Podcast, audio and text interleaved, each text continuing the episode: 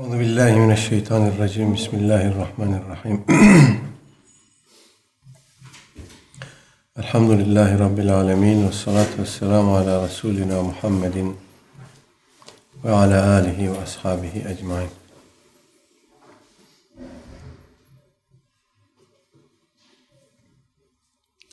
Yirmi dört numaralı rivayetle devam ediyoruz. An İbni Abbasin ve Enes İbni Malik'in radıyallahu anhum enne Resulullah sallallahu aleyhi ve selleme kal lev enne libni Adem'e vadiyen min zehebin ahabbe en yekune lehu vadiyani ve len yemle fahu illa turabu ve yetubullahu ala men tabe müttefekun aleyh. İbn Abbas radıyallahu anhuma ve Enes bin Malik radıyallahu anh rivayet etmişler. İmam Bukhari ve Müslim müttafikan nakletmiş. Aleyhisselatü Vesselam Efendimiz buyurmuş ki Lev enne libne ademe vadiyen min zehebin eğer Adem oğlunun altın dolusu bir vadisi olsaydı veya altından bir vadisi olsaydı ahabbe en yekune lehu vadiyan iki vadi olsun, iki vadisi olsun isterdi. Velen yemle efahu illet turab Adem oğlunun ağzını bir başka rivayette karnını diye de geliyor. Topraktan başkası doldurmaz. Ve yetubullahu ala men tabe Allah Teala tevbe eden kimselerin tevbesini kabul eder.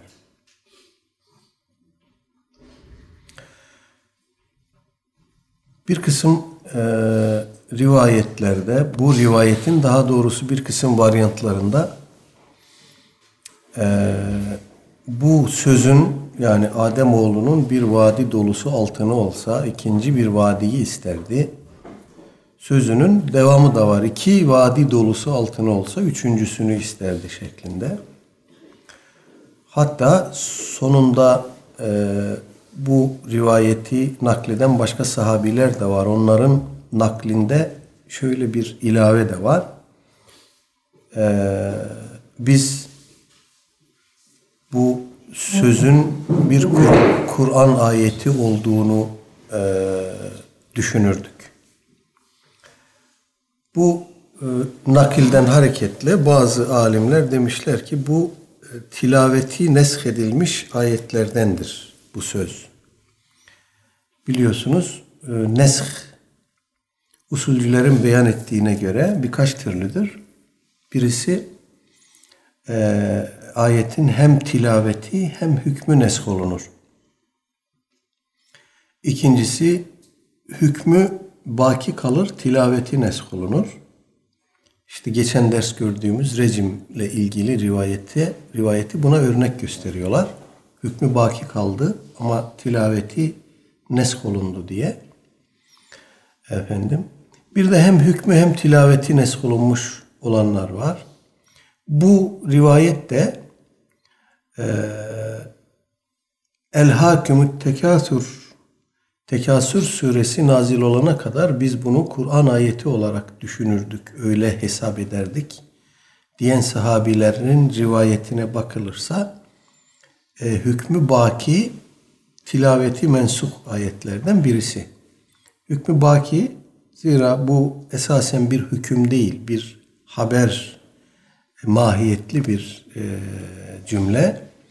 Dolayısıyla burada e, bunun ifade ettiği şeyi başka Kur'an ayetlerinin Tekasür suresi başta olmak üzere ifade ettiğini söyleyebiliriz.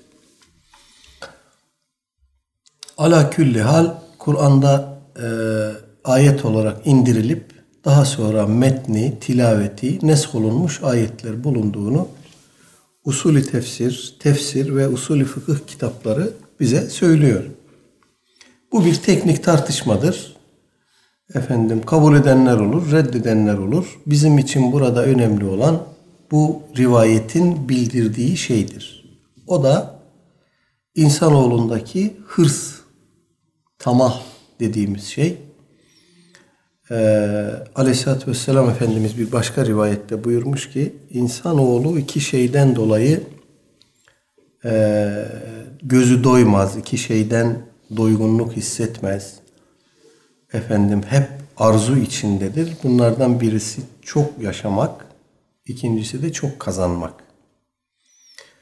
Ee, bunlar tabi insanın dünya ile münasebetinde e, ki temel tehlikelere işaret ediyor. Yani çok yaşama arzusu insanda dünyaya bağımlı olduğunun ifadesidir. Hayatı seviyor insan, yaşamayı seviyor. Dünyada daha çok kalmayı istiyor. Eğer bu ibadatu taatle, efendim tebliğ ile, cihatla, salih amellerle doldurulmuş bir ömürse bunda bir beis yok. O yüzden Allah Teala'dan uzun ömür istemekte de bir beis yok. İçini doldurabiliyorsak salih amelle, Cenab-ı Hakk'ı razı edecek şeylerle uzun ömür istemekte bir beis yok. Ama dünyada biraz daha kalayım, daha çok malım olsun, daha çok kâm alayım, daha çok zevk-ü sefa süreyim diye istiyorsa insan işte bu problem. İkincisi de çok kazanma arzusu. Ee, başta sahabe-i kiram olmak üzere selef-i salihin önemli ölçüde bu çok kazanma, bolluk, rahat içinde yaşama arzusunu dizginlemeyi bilmişler. Azla yetinmeyi, aza kanaat getirmeyi ve şükür içinde, sabır içinde yaşamayı e, becerebilmişler, başarabilmişler. Onları bizden ayıran en önemli özelliklerden biri de Allah alem budur. Dünyaya ve nefse esir olmadan e, nefsin arzularını dizginlemeyi bilerek efendim e, dünyada bize emanet edilen hayatı, sağlığı, sıhhati layıkı veçile değerlendirmişler. Modern zamanlarda biz bu konuda epeyce bir sıkıntı içindeyiz. Yani e, hayat modernleştikçe imkanlar, maddi imkanlar, teknolojik imkanlar geliştikçe dünyaya bağımlılığımız da artıyor. Efendim bu e, modernizmin vazgeçilmez özelliklerinden birisi. Hayatı konforize etmek, daha cazip hale getirmek, daha kolay, daha pratik hale getirmek modernizmin en büyük özelliklerinden birisi. Ee,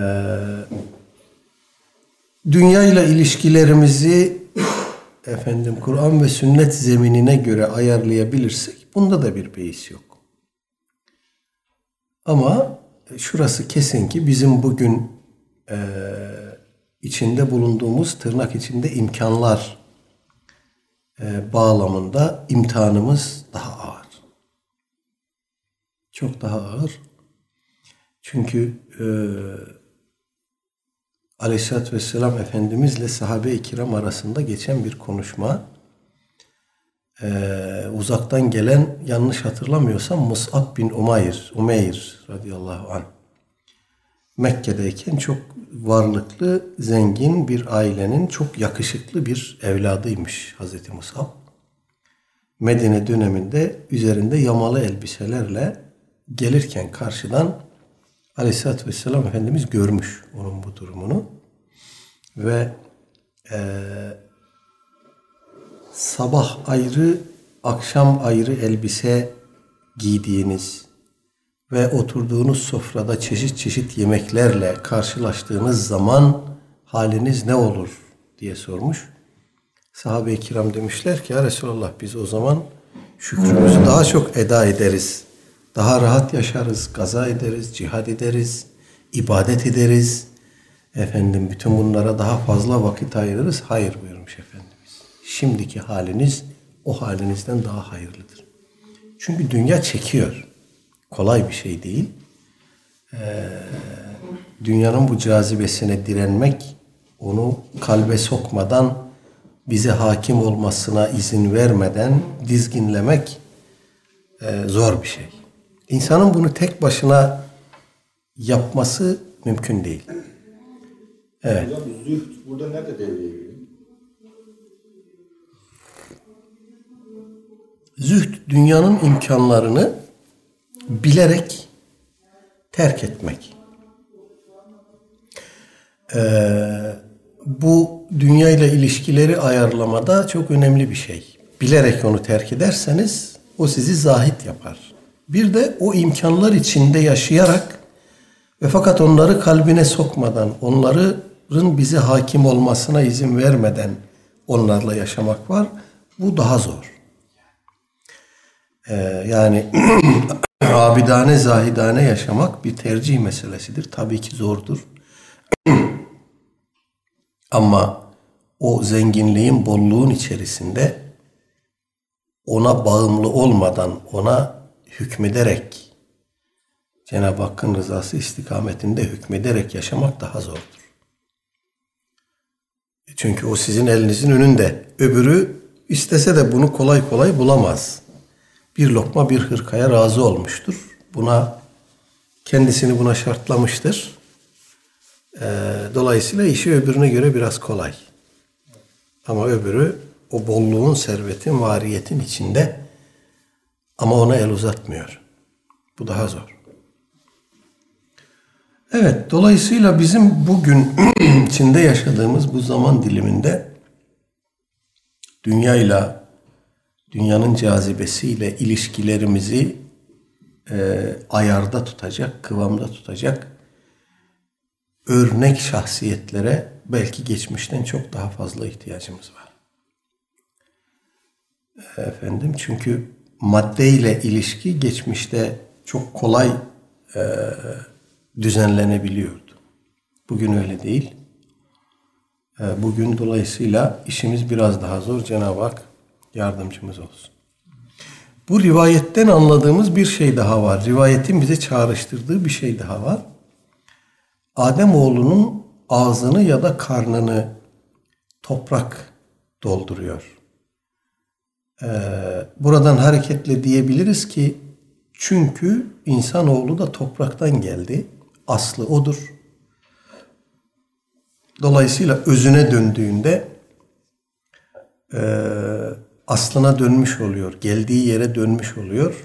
İnsanı e, bu dünyadaki dünyanın avarızından, dünyanın aldatıcı, çeldirici e, arızalarından ancak toprak muhafaza edebiliyor. Çünkü aslı da odur. Böyle bir çağrışım da hissediyoruz bu rivayetten hareketle.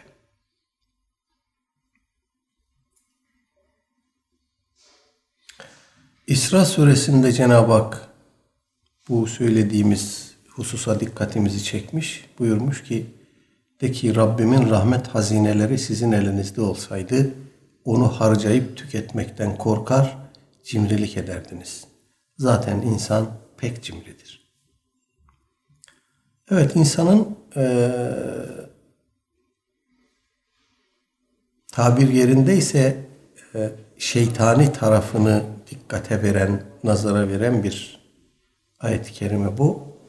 Rahmani taraf zayıflayıp da şeytani taraf galebe çalmaya başlayınca insanın kazanma, biriktirme, daha çok kazanma, daha çok biriktirme e, hırsı efendim insani taraflarını bastırıyor. Bugün itibariyle küreselleşmiş dediğimiz dünyada gördüğümüz en temel sıkıntı da budur. Daha çok kazanma hırsı, daha çok, daha çok, daha çok. Bu e, insanları batıdaki e, uluslararası şirketleri kurma ve devletlere hükmetme noktasına kadar götürmüş durumda şu anda. Böyle bir hal daha önce hiç yaşamadık. Devletleri e, kuruyorlar, hükümetleri yıkıyorlar. Uluslararası bir sistem, küresel bir sistem kurmuşlar. Sayıları 15-20'yi bulan aileler. Bunlar bütün dünyaya hükmediyor. Derdiniz ne deseniz, dünyada neden mahrum kaldınız, neyiniz eksik kaldı, nedir bu hırs? Efendim, işte bu ayeti kerimenin ifade buyurduğu şey. Daha çok ve daha çok kazanma, hükmetme hırsı. Evet, 25 numaralı rivayet. An Ebi Hureyre radıyallahu anhu enne Resulullah sallallahu aleyhi ve selleme kal Yadhakullahu subhanahu ve teala ila raculeyni yaktulu ahaduhumal ahar yedhulanil cennet. Yukatilu hâze fi sebilillahi feyaktulu feyuktelu düzeltiyorum. Feyuktelu thumme yetubullahu alel katili feyuslimu feyusteşhedû. Muttefekun aleyh. Gene İmam Bukhari ve Müslim rahimehumallah birlikte rivayet etmişler. Ebu Hureyre radıyallahu an nakletmiş. Buna göre aleyhissalatü vesselam Efendimiz buyurmuş ki Yadhakullahu subhanehu ve teala ila raculeyni Allah Teala şu iki kişinin durumuna güler. Yaktul ahaduhumel ahar bunlardan biri diğerini öldürür. Ee, Yedhulanil cenne ve fakat ikisi de cennete gider. Yukatilu hâzâ fî sebilillah bunlardan birisi Allah yolunda mukatele ediyor, savaşıyor ve öldürülüyor. Fe yuktelu ve öldürülüyor. Dolayısıyla cennete gidiyor. Allah Teala'yı razı ediyor, hoşnut ediyor, cennete gidiyor. Sümme yetubullahu alel katil. Daha sonra Cenab-ı Hak onu öldürene tevbe imkanı bahşediyor. Fe yuslimu o kişi Müslüman oluyor, İslam'a giriyor. Ve yüsteşhedu o da cihad edip o da şehit oluyor. Dolayısıyla Cenab-ı Hak bu iki kişinin durumuna gülüyor. Ee, buradaki gülme tabiri bu iki kişinin durumundan razı oldu, hoşnut oldu anlamındadır.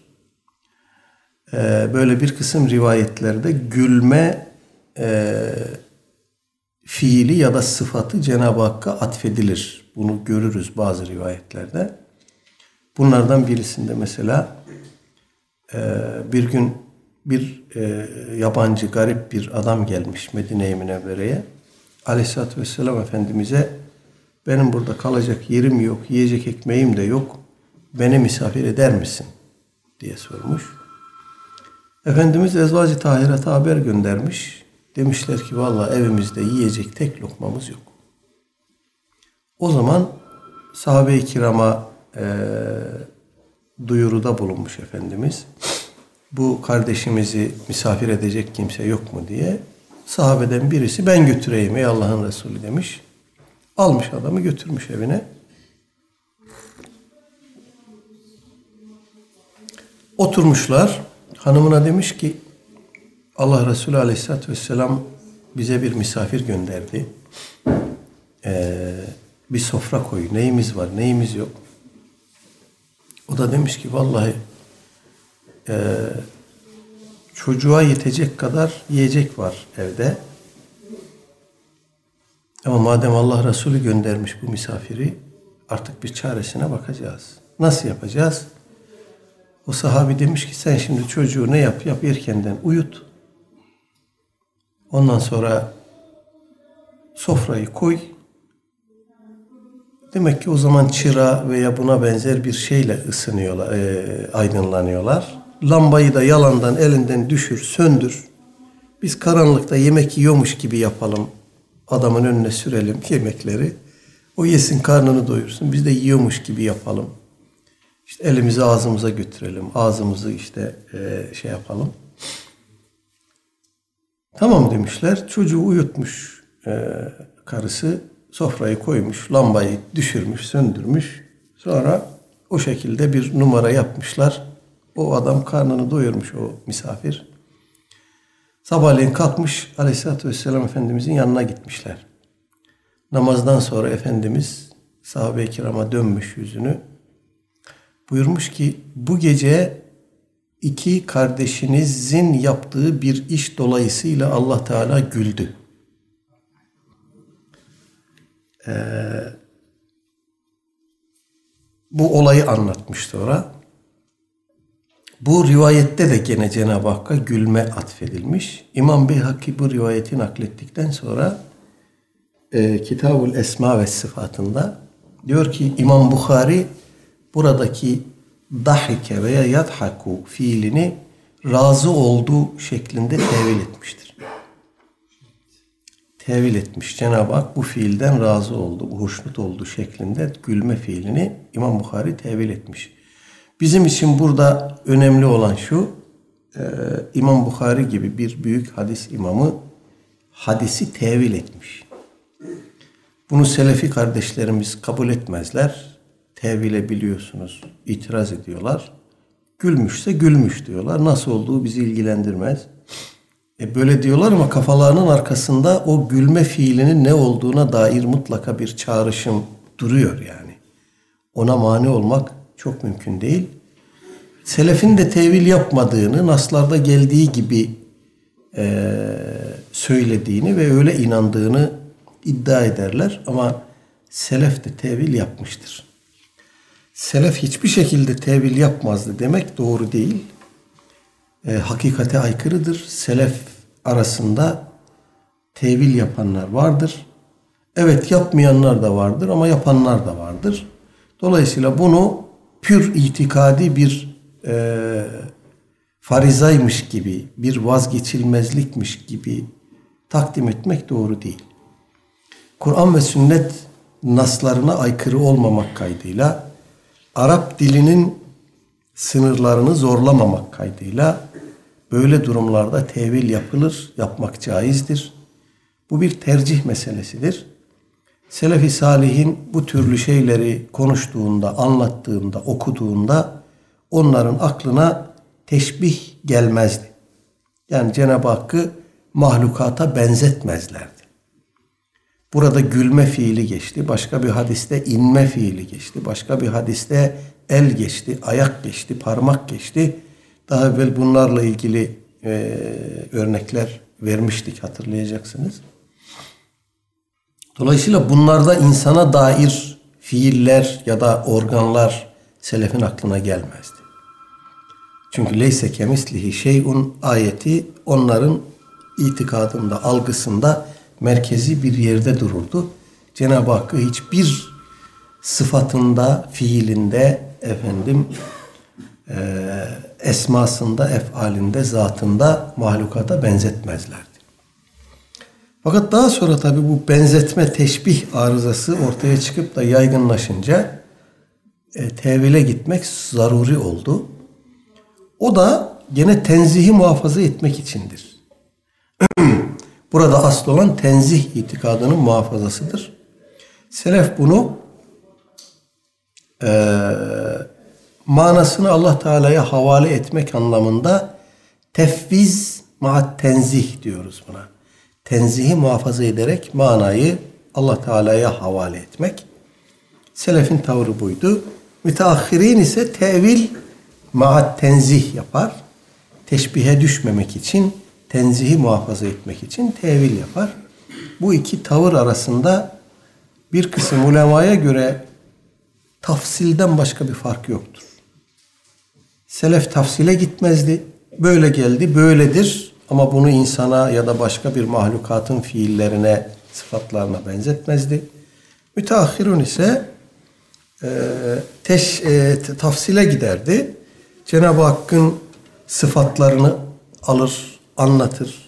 Mahlukatın sıfatlarını alır, anlatır. İşte bu sebeplerle bunu böyle anlamak doğru değil, caiz değil, bu şu anlamdadır diye tafsile gider. Bu da halin doğurduğu bir zarurettir.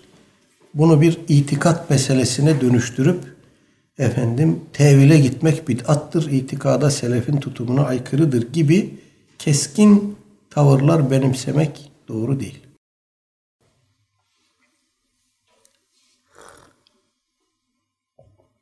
Evet bu rivayet e, enteresan. iki kişi karşı karşıya geliyorlar. Biri diğerini öldürüyor. İkisi de cennete gidiyor. Biri diğerini öldürüyor. Allah yolunda cihat bağlamında. Sonra öbürüne Cenab-ı Hak Müslüman olmayı nasip ediyor. O da şehit oluyor. O da cennete gidiyor. Bundan evvel bir hadis görmüştük. Hatırlayacaksınız. İdel tekal muslimani bi seyfeyhima fel katilu vel maktulu finnar. Öyle buyurmuştu Efendimiz. İki Müslüman kılıçlarıyla karşı karşıya geldiğinde katil de maktul de ateştedir. Cehennemdedir. E, bu iki rivayet arasında bir tearruz varmış gibi, bir çatışma varmış gibi görünür. Bir çatışma yoktur. Bu rivayette yani şu bu üzerinde bulunduğumuz, sadedinde bulunduğumuz rivayette e, karşı karşıya gelenlerden biri Müslümandır, öbürü gayrimüslimdir ve cihat söz konusu. Allah için, ilahi kelimetullah için fi sebilillah cihat var. Müslüman olan gayrimüslim olanla karşı karşıya gelmiş. Gayrimüslim Müslüman olanı öldürmüş, şehit etmiş, o cennete gitmiş. Daha sonra o da Müslüman olmuş, o da şehit edilmiş, o da cennete gitmiş. Ama öbüründe ikisi de Müslümandır ve gayri İslami, gayri meşru bir maksat için birbirlerine kılıç çekmişler. O yüzden e, katil de maktul de ateştedir buyurmuş aleyhissalatü vesselam Efendimiz. Niyet bahsinde görmüştük bu rivayeti hatırlayanlarınız olacaktır. Sahabe-i kiram sormuş. Katili anladık. Bir adam öldürdü. Bu fiiline karşılık cehenneme gidecek. Peki maktul niye cehenneme gidecek? Efendimiz buna cevaben o onu öldürmeseydi belki onu öldürecekti buyurmuş. Yani o niyeti dolayısıyla e, onun da ateşe gireceğini ifade buyurmuş.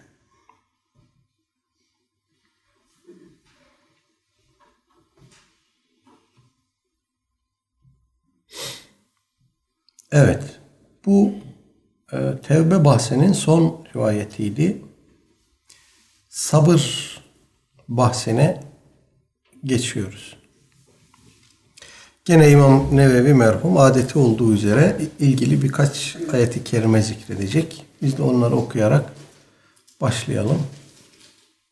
Birinci ayeti kerime Bismillah ya eyyühellezine amenü spiru ve sabiru Ali İmran suretinin, suresinin 200. ayeti. Ey iman edenler sabredin e, ve sabır yarışında ileri geçin. Ya eyyühellezine amenu sbiru ve sabiru ve rabitu vettekullah diye devam ediyor ayet-i kerime. Sabır e, kötülüğe, eziyete, masiyete, zorluğa efendim katlanmak mıdır? Yoksa bundan daha farklı bir anlamı var mıdır? Katlanmak değildir sabır. Yani sineye çekmek, kabullenmek, razı olmak değildir. Sabır başa geleni Allah Teala'dan bilip bir imtihan vesilesi olduğunu kabul edip arkasından ondan kurtulmak için o durumdan Cenab-ı Hakk'ın kendisini kurtarması için Cenab-ı Hakk'a sığındığı bir durumdur. Evet, isyan yoktur. Müslüman tavrında isyan etmek, başa gelene isyan etmek yoktur. Eğer başa gelen şey kendi kusurumuz dolayısıyla olmuşsa kendi kusurumuzu e, dikkate alıp onu düzeltmek, telafi etmek, ondan dolayı tevbe etmek. Kendi kusurumuzdan dolayı olmamışsa Allah'tandır diye bilip hayrihi ve şerrihi minallahi teala deyip ondan gelene e, razı olmak, onu kabullenmek, bunun ondan geldiğini bilmek ama o durumdan kurtur, kurtarması için de Cenab-ı Hakk'a gene iltica etmek. Onun takdirinden gene onun takdirine iltica etmek, sığınmak demektir. İkinci ayet-i kerime cu'i ve naqsin minel envali vel enfusi ve temerat ve beşşiris sabirin Bakara suresinin 155. ayeti. Buyuruyor ki Cenab-ı Hak biz sizi mutlaka biraz korku, biraz açlık, mallardan, nefislerden ve ürünlerden biraz eksiltmeyle imtihan edeceğiz, deneyeceğiz. Sabredenleri müjdele. Evet demek ki dünya halinin e, kanunu bu. E, salah durumu da daimi değil.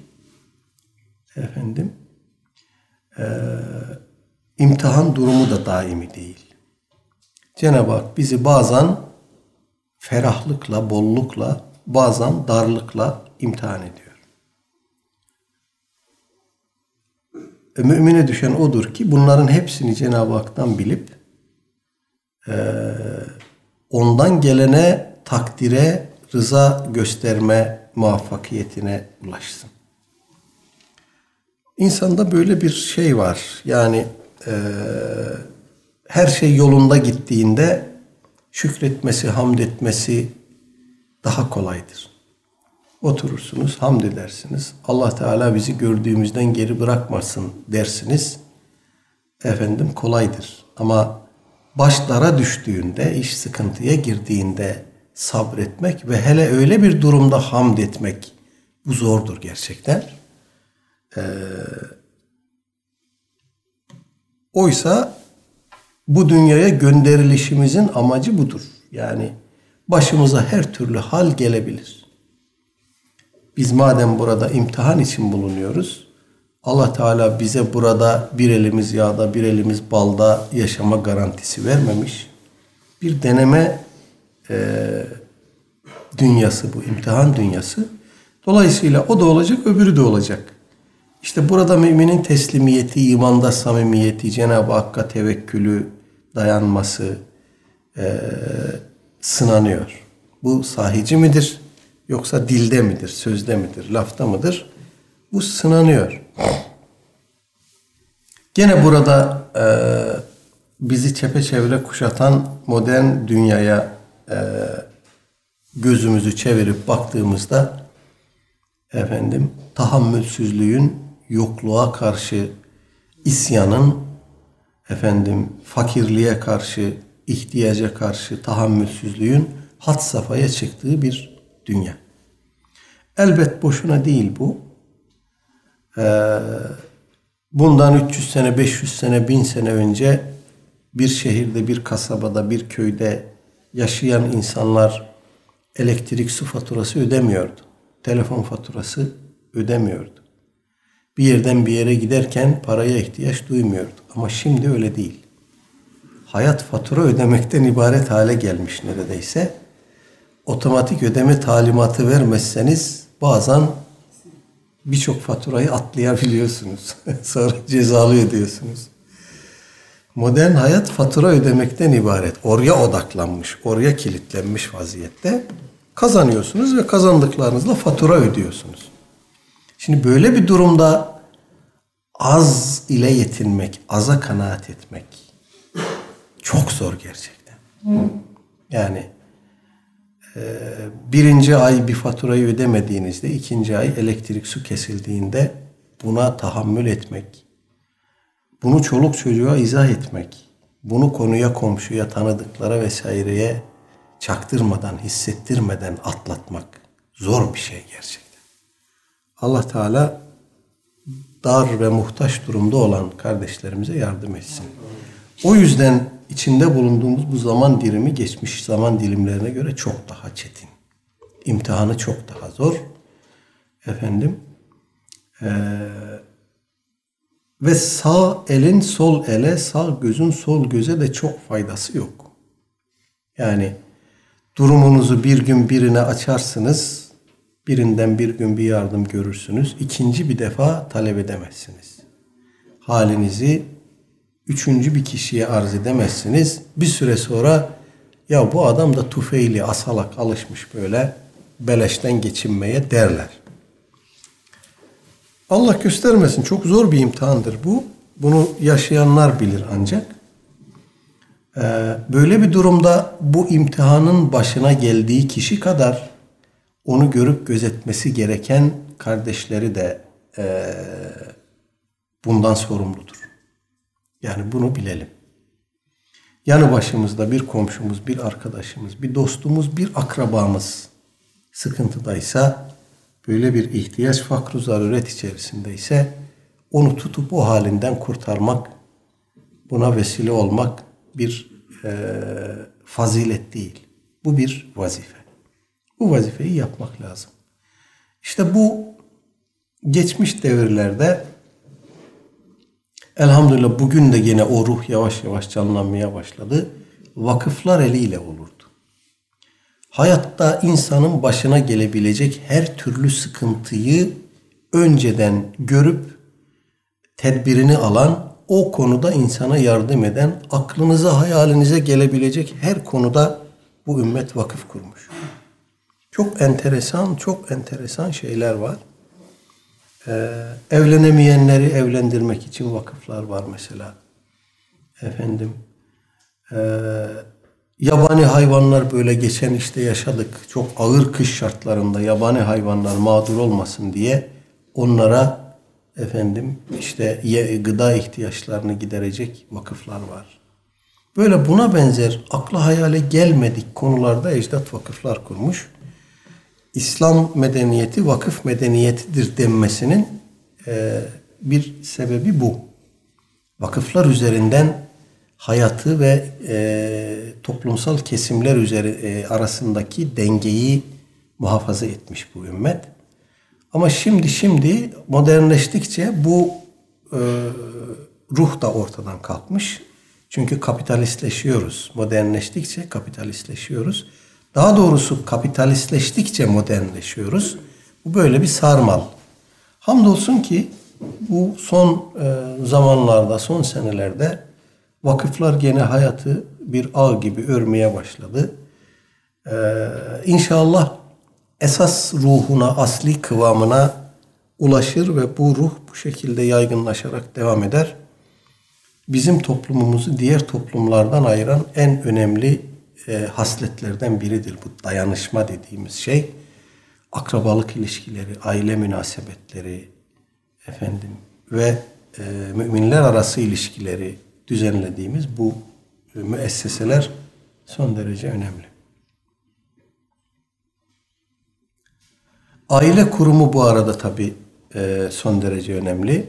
Aile fertleri arasındaki dayanışma e, bugün Batılıların özellikle aile kurumunun çöktüğü artık tamamen iflas ettiği batıda yaşayanların bir türlü anlamadığı bir şey bu. Yani e, zannediyorum bu e, Kore Savaşı'ndan sonra biliyorsunuz Türkiye de oraya asker gönderdi. E, başta Amerika olmak üzere bir kısım batılı ülkelerde Kore gazileri e, çok büyük psikolojik sıkıntılara maruz kalmışlar. Uyum, e, intibak problemi yaşamışlar. Çok önemli bir toplumsal mesele ortaya çıkmış. Sonra bunu, bunu nasıl çözeriz, bu diğer ülkeler nasıl yaptılar diye bu işle ilgili bir heyet kurmuşlar. O çerçevede Türkiye'ye de gelmişler. Fakat Türkiye'de Kore gazileriyle ilgili herhangi bir problem yaşanmadığını görmüşler. Bu dikkatlerini çekmiş. Yani bize gelenler icabında yaralı elini kolunu kaybetmiş, psikolojik sıkıntısı var. Veya toplum onları yeniden kabullenmekte zorlanıyor. Böyle bir doku uyuşmazlığı var ama Türkiye'de böyle bir şey yok. Bu nasıl olur diye dikkatlerini çekmiş, araştırmışlar bu aile ve akrabalık ilişkilerinin çok kuvvetli olmasından kaynaklanıyormuş. Bunu tespit etmişler. Tabi bizde e, gazilik ayrıca bir manevi mertebedir. Yani toplum gaziyi dışlamak şöyle dursun, ona hürmet eder.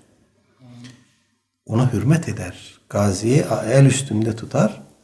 Bu manevi dinamikler toplumda ne kadar su yüzüne çıkar, ne kadar kuvvetli olur, ne kadar e, görünür olursa toplumda o kadar sağlıklı yaşıyor. İşte batılı toplumlarla bizi ayıran çok önemli hususlar bunlar. Evet, üçüncü ayeti kerime İnnemâ yüveffes sabirûne ecrehum bi gayri hisab. Burada da sabredenlerle ve sabırla ilgili sabrın e, faziletiyle ilgili Cenab-ı Hak dikkatimizi çok önemli bir noktaya çekiyor. Sabredenlere ecirleri hesapsız olarak ödenecektir. E, buradaki yüveffa tabiri daha evvel e, Hz. İsa Aleyhisselam'ın nüzulü bahsini işlerken oradaki teveffi kelimesinin etimolojisiyle ilgili açıklamalar yaparken bu bu ayet-i kerimeyi okumuştuk. Veffa yüveffi teveffa bir şeyi olduğu gibi almak, tamamını almak anlamındaydı. Bu ayet-i kerimede Cenab-ı Hak sabredenlere ecirleri eksiksiz, noksansız verilecek ve bir gayri hesap, hesapsız bir şekilde tam olarak verilecek. Bunun hesabı nedir, ne kadardır? Bunu ancak Allah bilir. Ama burada bir gayri hesap e, ifadesi bunu bizim takdir etmemizin, tahmin etmemizin mümkün olmadığını gösteriyor. Dördüncü ayeti kerime وَلَمَنْ صَبَرَ وَغَفَرَ اِنَّ ذَٰلِكَ لَمِنْ عَزْمِ الْاُمُورِ Şura suresinin 43. ayeti. Bir evvelki Zomer suresinin 10. ayetiydi. Fakat sabredip kendisine yapılan kötülüğü bağışlayan kimsenin işi işte bu benimsenmeye değer işlerdendir. Bu bir haslettir çünkü. Beşinci ayeti kerime Ya eyyühellezine amenü sta'inu bis sabri ve salah innallâhe ma'as sabirin Ey iman edenler sabretmekle ve namaz kılmakla Allah'tan yardım isteyin. Allah sabredenlerle beraberdir. Bakara suresinin 153. ayeti. Bu ayeti kerimeyi hatırlıyorsunuz.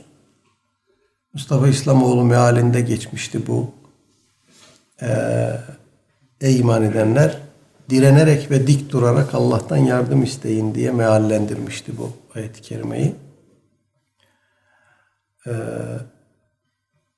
sonra da bir tenkitler alınca düzeltti işi.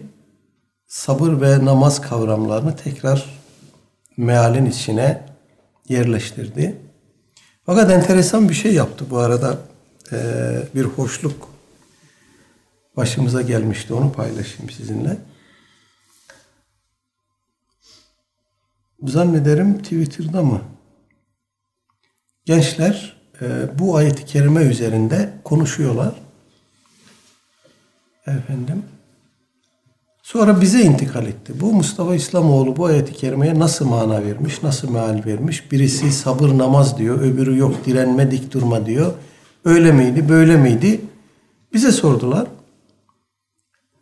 Ee, ben de dedim ki bu benim e, incelemeye tabi tuttuğum meali zannediyorum e, üçüncü, dördüncü baskıyı yapmıştı. Yanlış hatırlamıyorsam. Orada direnerek ve dik durarak diyordu.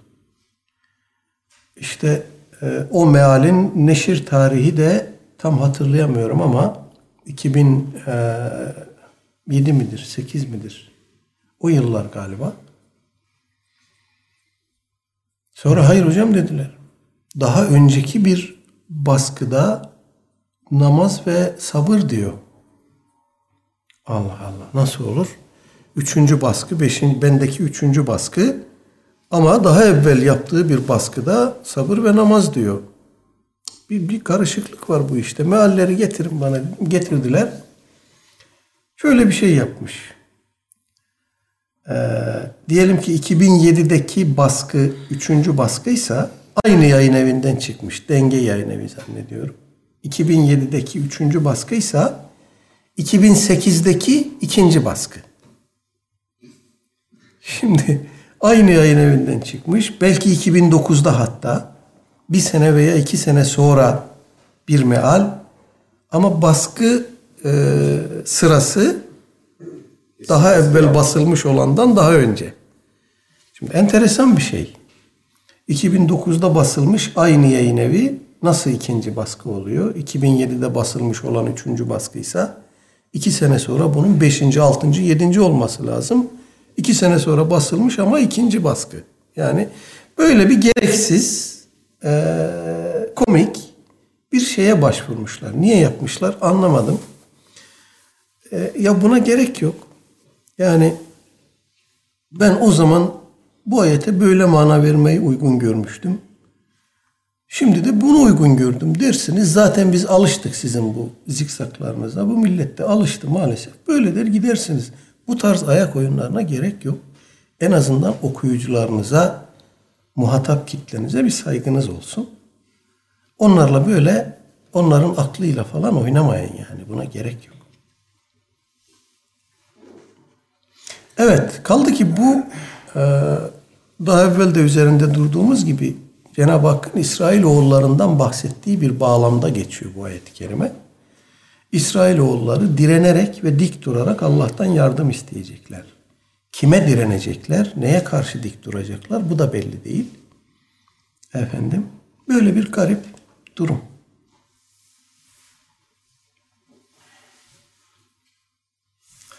Evet, 6. ayet-i kerime Muhammed suresinin 31. ayeti. وَلَنَبْلُوَنَّكُمْ حَتَّى نَعْلَمَ الْمُجَاهِد۪ينَ مِنْكُمْ وَالصَّابِر۪ينَ Ayet-i kerimeyi hatırladınız mutlaka. Sizden içinizdeki mücahitleri ve sabredenleri bilene kadar elbette sizi deneyeceğiz. Abdülaziz Bayındır'ın Cenab-ı Hak geleceği bilmez derken delil aldığı ayetlerden birisi bu. Hatta ne alemel mucahidine minkum ve sabirin sizden kimler mücahittir, kimler gerçek anlamda cihad ediyor ve kimler sabrediyor onları bilelim diye bilene kadar sizi deneyeceğiz. Bak diyor Allah Teala eğer kimlerin mücahit olduğunu, kimlerin sabrettiğini biliyor olsaydı onları böyle bir denemeye tabi tutma ihtiyacı olmaz. Demek ki bilmiyor ki deneme e, suretiyle bunları ortaya çıkaracak.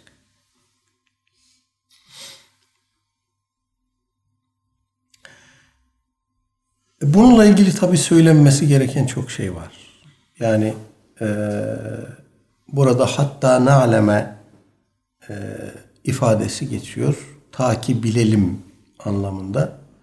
Müfessirler bu ifadeye ortaya çıkaralım anlamı vermişler. Ta ki sizden kimler mücahittir, kimler cihad ediyor, kimler sabrediyor bunu ortaya çıkaralım diye demişler. Allah Teala'nın e, geleceği ve bu anlamda, bu bağlamda insanın iradi fiillerini ve onun neticesini bildiği efendim aslında bedihi bir gerçek. Yani bunu ayrıca şu ayette şöyle, şu hadiste böyle diye delillendirmeye gerek yok. Neden gerek yok? Çünkü Allah Teala'yı sıfatlarıyla, esmasıyla, hakkıyla tanısa bir insan e, böyle bir tartışmanın içine girmez. Neden girmez? Çünkü şunu bilir ki e, yaratma ile bilme arasında vazgeçilmez bir ilişki vardır. Şöyle ki Allah Teala bu kainatı yaratmadan evvel ne yaratacağını, nasıl yaratacağını ve yarattıklarının akıbetinin ne olacağını bilir. Bilmezse yaratamaz. Yani yaratma dediğimiz şey üzerinde biraz yoğunlaşmak lazım. Bu nasıl bir şeydir? Bir e, bilgisayar mühendisinin bilgisayarın içindeki parçaları üretmesi tabii ki bu bir yaratma değil. Bu bir terkip. Ama bu örnek üzerinden bile gitsek bilgisayar mühendisinin bilgisayarın çalışmasını temin eden parçaları bilmesi, bu parçaların birbiriyle ilişkisini, uyumunu, özelliğini, etkileşimini bilmesi, bu parçaların muhtemel ömürlerini bilmesi gayet tabidir. Bunları bilmezse bunu yapamaz. Onun için de buna bir garanti süresi koyuyorlar. Ben bu bilgisayarı ürettim, bunun garantisi iki senedir. Eğer herhangi bir arızi durum olmazsa bunun içindeki parçalar iki seneden önce arıza vermez demektir bu. Bilgisayar mühendisi bile bu parçayı yaparken bunu biliyor.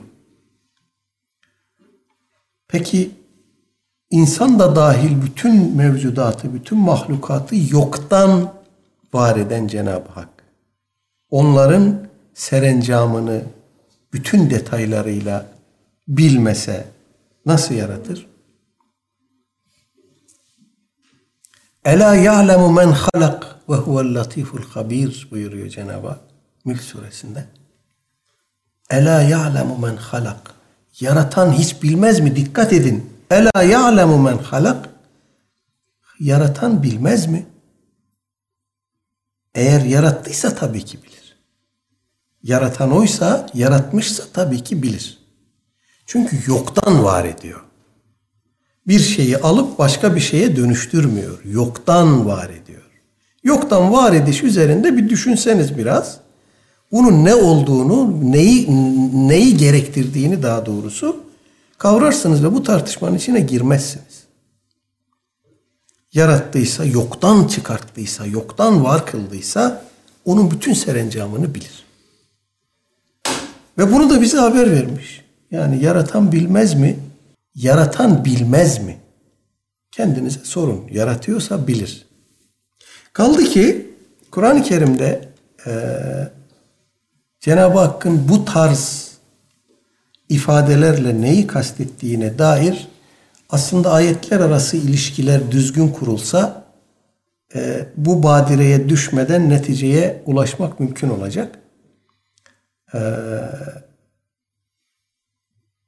bir yerde bir kelimeyle, bir e, ifade kalıbıyla e, sevk ettiği bir ayeti kerimeyi Cenab-ı Hak başka bir yerde aynı anlamı ifade eden başka bir ayeti kerimede başka ifadelerle, başka kelimelerle aynı anlamı ifade ediyor ki bunları biz alalım, karşılaştıralım. Birinden kasıt nedir? El Kur'an yufessiru ba'duhu ba'dan kaidesi gereği Kur'an ayetleri birbirini tefsir eder. Buradan kasıt nedir onu bilelim. Ee, dolayısıyla bu tartışmaya gerek yok. Yani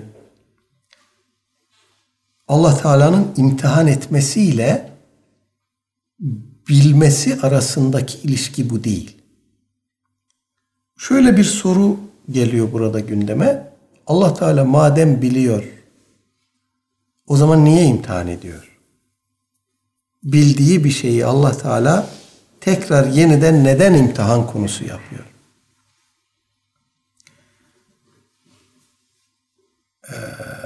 Allah Teala'nın bizim ne yapacağımızı bilmesi bizi imtihan etmesine mani değil. O ne yapacağımızı bilmek için bizi imtihan etmiyor. O imtihanın e, gerekçesi, o imtihanın hikmeti biz öbür tarafta sorguya çekildiğimizde bunu bizim önümüze bir beyine olarak koymak. Allah Teala beyinesiz, hüccetsiz, delilsiz iş yapmıyor. Bizi deniyor, bizim o imtihan karşısında, imtihan esnasında gösterdiğimiz tepki yazılıyor.